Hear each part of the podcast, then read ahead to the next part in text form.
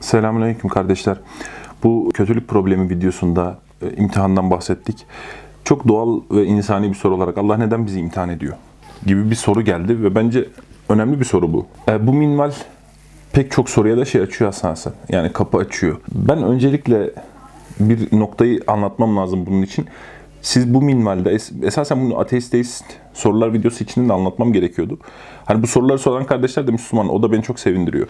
Hani böyle şeyleri düşünmeleri, sormaları, fikir yürütmeleri bunlar önemli şeyler bence. Bunu anlatmam gerekirdi ateist deist videosu içinde unutmuşum. Şimdi çok temel bir meselenin üzerinde duracağız. Bunu kader videosunda bir nispi anlatmaya çalıştım. Biz e, Allah Celle Celaluhu deyince kainatın yaratıcısı e, olan bir varlıktan bahsediyoruz. Esasen Kur'an pek çok noktayı ispat ederken hep yaratma üzerine inşa eder. Yani Allah yaratıyor, onun söylediğini yapmanız gerekir. Allah yaratıyor, ona dua etmeniz gerekir. Allah yaratıyor, o yüzden şöyle yapmanız gerekir. O yüzden Kur'an'daki sürekli yaratılış vurgusuna baktığınızda, yaratılış vurgulayan ayetlere baktığınızda peşi sıra bir emir gelir genelde. Bir şey emreder ya da yasaklar. Allah yarattığı için bunu yapmaya hak sahibidir. Gibi bir vurguyla gelir. O zaman bu Allah'ın yaratması olgusuna üzerine inşa edilen bir yapının karşısındayız. Şimdi bu yaratma olgusunu insanlar çok eksik anlıyor bence. Allah Celle Celaluhu'nun sadece ağacı, taşı, toprağı filan yarattığını düşünüyorlar. Allah insanı, varlıkların hepsini, zamanı, mekanı, ondan sonra düşünme biçimlerimizi, nedensellik mesela. Bunu da yarattı Allah Teala. Değil mi? Biz iki olayın peş peşe geldiğinde bunun arasında nedensellik kurma gibi bir zihin yapımız var ve kainatın da böyle işlediğini düşünüyoruz ve bunun üzerinden mesela bilim yapıyoruz. E, bu nedenselliği de Allah Teala yarattı. İnsanın çoğunun anlamadığı şey bu. Mesela o yüzden bir şeyle bir şeyin bilimsel açıklamasını yani nedenselliğini keşfettiklerinde yaratıcının artık gereksiz olduğunu filan sanıyorlar. Yok hayır o nedensellik neden var? O da çok önemli. Anladınız mı? Mesela doğal seçilim diye bir şey adam inanıyor. Doğal seçilim varsa doğal seçilimin yaratıcısının olması lazım. Doğal seçilim nereden çıktı ortaya? Yani va- şimdi varlık denen şeyin biliyorsunuz en soyut kavram olduğu için İslam kelamında da böyle alınır. En soyut kavram varlıktır ve bu yüzden tanımlanamaz. Sadece var olmakla ifade edilebilir. Çünkü üzerine bir sıfat ekleyemezsiniz. Varlık denen şeyi ortaya çıkaran şeydir. Nedensellik varsa bunu ortaya çıkaran bir yaratmadır bu. Doğal seçilim varsa bunu ortaya çıkaran bir yaratmadır bu. Amaçsallık varsa bunu ortaya çıkaran bir yaratmadır bu. O yüzden yaratmanın evveline dair nasıl düşünebiliriz? İnsan aklıyla. Zaman yok, mekan yok, değil mi? Öncelik sonralık sırası yok. Bakın soruların çoğu böyledir. Mesela kader videosunda bunu söyledim. Allah madem bizi yaratmadan önce biliyordu, önce gitti. Allah Teala için önce sonra yok ki yaratmadan önce yok. Yaratmadan önce zaman yok. Neden böyle yaptı? Yani neden bizim yapacağımızı madem biliyordu önceden neden bizi yarattı? Ee, ve amaç Allah, Allah Allah Teala bunu yarattı. İslam kelamında tartışılmış bir konudur bu. İşte Allah garaz yani amaç güder mi? Çünkü amaç bir ihtiyaçtır. Bir ihtiyaca binaen olur. Ee, bir amaç işte mesela bunlar çok böyle beynin yandığı noktalar biraz daha. Hani bunun üzerine tefekkür edin diye biraz da şey yapıyorum. Ee, e, amacı da yarattı Allah Teala. Anladın mı? Yani amaçsal, nedensel, zamansal ve mekansal bir fikirle Allah Teala'nın zatı hakkında düşünmek mümkün değildir. Peki o zaman Kur'an'da pek çok böyle şey var.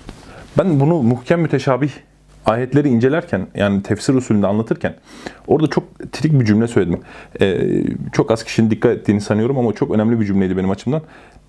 Kur'an'daki en büyük teşabüh yani müteşabihlik Allah Teala'nın bir kula, kula hitap ediyor olmasıdır. Anlamamızı yani en azından Allah Teala'yı anlamamızı en zorlaştıran kısımlardan birisi budur. Çünkü bizim kotamıza göre konuşuyor. E, o zaman işte bir zaman var, mekan var vesaire var. Bu bir teşabühtür.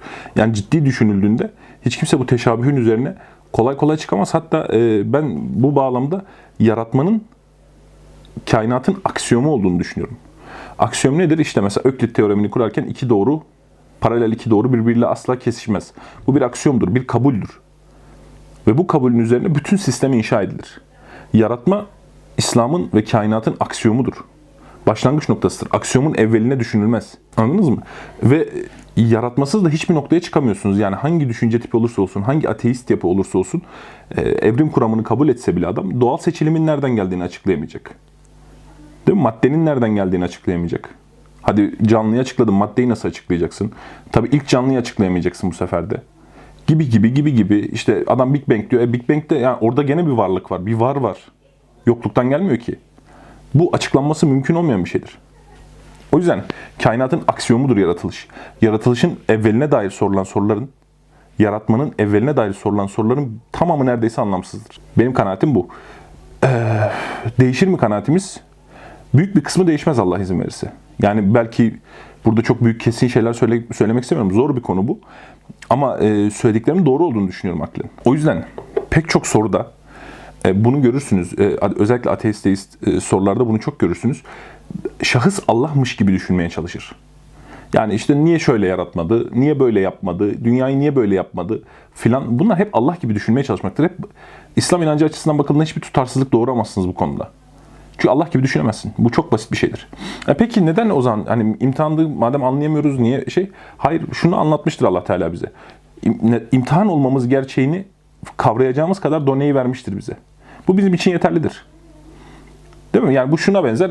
Haşa Allah Teala bizim misallerimizin üzerindedir ama bir işçiye bir mühendis iş verse, işçi de hani o yaptığı ördüğü duvarın neye yarayacağını bilmese. Ama yapması gerektiği ve nasıl yapacağı detaylı bir şekilde anlatılsa. Sonra işçi dese ki ben anlamadım bu duvar ne işe yarayacak yapmıyorum dese bu işçi ceza alır. Çünkü mühendis gibi kavrayamaz olayı. Haşa Allah bizim misallerimizin üzerindedir. Allah Teala bize yapacağımız işle ilgili detaylı doneler vermiştir. Neden yapmamız gerektiğiyle ilgili detaylı doneler vermiştir. Ama ne için yaptığımız konusunda bizim kotamız kaynaklı bir problem var. O yüzden ben önümdeki temel, bazal probleme bakarım ee, ve bu imtihanı yapmaya çalışırım. Çünkü bununla ilgili yeterli sayıda kanıt var önümde.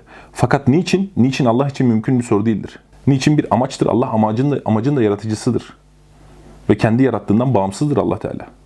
Yani bu mesela bugün her ne kadar Selefi tandans üzerinde konuşuluyor olsa da ben burada Selefilerin kanaatinin doğru olduğu kanaatinde değilim. Özellikle zaman ben bunu denk geldiğim için söylüyorum. Allah zaman ve mekandan münezzeh sözüne itiraz eden Selefiler gördüm. Bu çok hatalıdır bence. Yani zamanın içine girebileceğini düşünmek, Allah Teala'nın veya mekanın içine girebileceğini düşünmek. Allah Teala bu ikisini de yaratmıştır zaten. Ha bir beşere hulul etmiş haşa kella. Ha bir zamana ve mekana hulul etmiş. İkisi de yaratılan, yarattığı şeyin içine Allah'ın girdiğini düşünmektir. Haşa. Allah bundan münezzehtir. Ee, bizim algımızın da çok ötesindedir. O yüzden zatı hakkında düşünmeyin diyor Nebi Aleyhisselam. Çünkü zatını kavramak mümkün değildir. Ee, ben bu kanaatteyim en azından. E, ama işte hocam işte Allah Teala garazlı bir ifade hani amacı var gibi Kur'an'da mesela hitaplarda bulunuyor işte e, vesaire. Yani ben bunların mesela bizim yani bize hitap ettiği için böyle olduğu kanaatim. O yüzden Allah'la ilgili zatıyla ilgili hükümler vermemeye çalışın e, ve Allah'mış gibi düşünmeye çalışmayın. Bu çok hatalı bir şey en azından şöyle siz Allah'la ilgili bir şeyler düşündüğünüzde karşınızdaki de size cevap veriyorsa e, o da Allah'mış gibi düşünmeye çalışıyor. Verdiği cevabın yanlış olduğunu bilin. Çünkü kimse Allah gibi düşünemez. Ha şöyle düşünür Allah'ın hikmetlerini bize indirdiği şeriattaki hikmetleri anlamaya çalışırız. Bir beşerin aklının varacağı son nokta budur.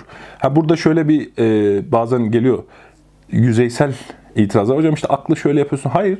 Aklın en temel fonksiyonu, bakın en temel fonksiyonu ilk konuşulacak meselesi akıl neyi kavrayabilir mesele. Akıl neyi kavrayabilir? Önemli olan bunun sor, bu sorudur. O yüzden e, bak büyük filozoflara baktığınızda, çok büyük filozoflara baktığınızda ilk çözme, çözmek istedikleri şey ontoloji ve epistemolojidir. Felsefenin özü budur. Nedir? Varlık ve bilgi. Yani bir varlık sınıflaması yapma, varlığı inşa edebilme, sonra bu varlığın ne kadarını epistemede anlayabiliriz, hangi vesilelerle anlayabiliriz. Hatta bir kısmı anlamayı öne almıştır. Epistemeyi öne almıştır. Ondan sonra varlık sınıflaması yapar. Yani anlayabileceği şeyler üzerinden gitmeye çalışır. O yüzden ilk önce aklın sınırını çizmek gerekir. Kardeş benim aklım Allah Teala'nın zatı hakkında düşünmeye yetmez. Çünkü benim aklım zaman mekan kotalıdır, nedenseldir, amaçsaldır ve ben bunlar olmaksızın düşünemem. Çok doğal bir şey. Değil mi? Buna işte kader videosuna örnek vermiştik. Yani şunu aynı zeminde anladığınızı varsayın. Böyle bir şeyi insan tahayyül edemez. Bir anı yazmakla geçen gün şöyle oldu şu an böyle oluyor, ileride şöyle olacak. Bu üçü aynı şeydir. Bunu hayal edebiliyor musunuz böyle bir şeyi? Bir kehanetle geçmişi anlatma aynı şeydir. Zaman yani aynı şey değildir de gerçi zamansızlıkta ama bunun aynı olduğunu düşünemezsiniz siz. Zaman sürekli zaman zaman zaman kotalısınız. O yüzden insan kotasının üzerinde e, durmayı bilmeli. Hem şu olmasaydı eğer Allah Teala bizim e, imtihan edildiğimizle ilgili yeterli doneyi bize göstermeseydi, yeterli delili önümüze koymasaydı biz o zaman derdik ki yani niye bizi böyle hani bu zulm, zulme giden bir şey. Ama hayır önümüze yeterli sayıda delil koymuş ve imtihan ediliyorsunuz bana itaat etmeniz gerekiyor e, diye bir hitapta bulunmuş. Ve biz o zaman Allah'ın zatını anlama, anlama gereksinimi duymayız. Bugün de duymuyorsunuz zaten. Yani patronunuzun işini yaparken tanımadığınız bir patron çok büyük bir holdingde çalışıyorsunuz. Orada detay bir iş yapıyorsunuz. Oradan tepeden gelen emrinde o şahsın gözettiği maksadı her zaman anlayamazsınız. O yüzden dünya çok kompleks bir imtihan sahası. Allah'mış gibi düşünmek zaten o açıdan bile yani bu söylediklerimi bilmeseniz bile çok komik olur. Yani şu dünyada gördüğünüz bütün karmaşıklık ve kompleks yapı bakın insan psikolojisi için, psikolojisi için düşünün.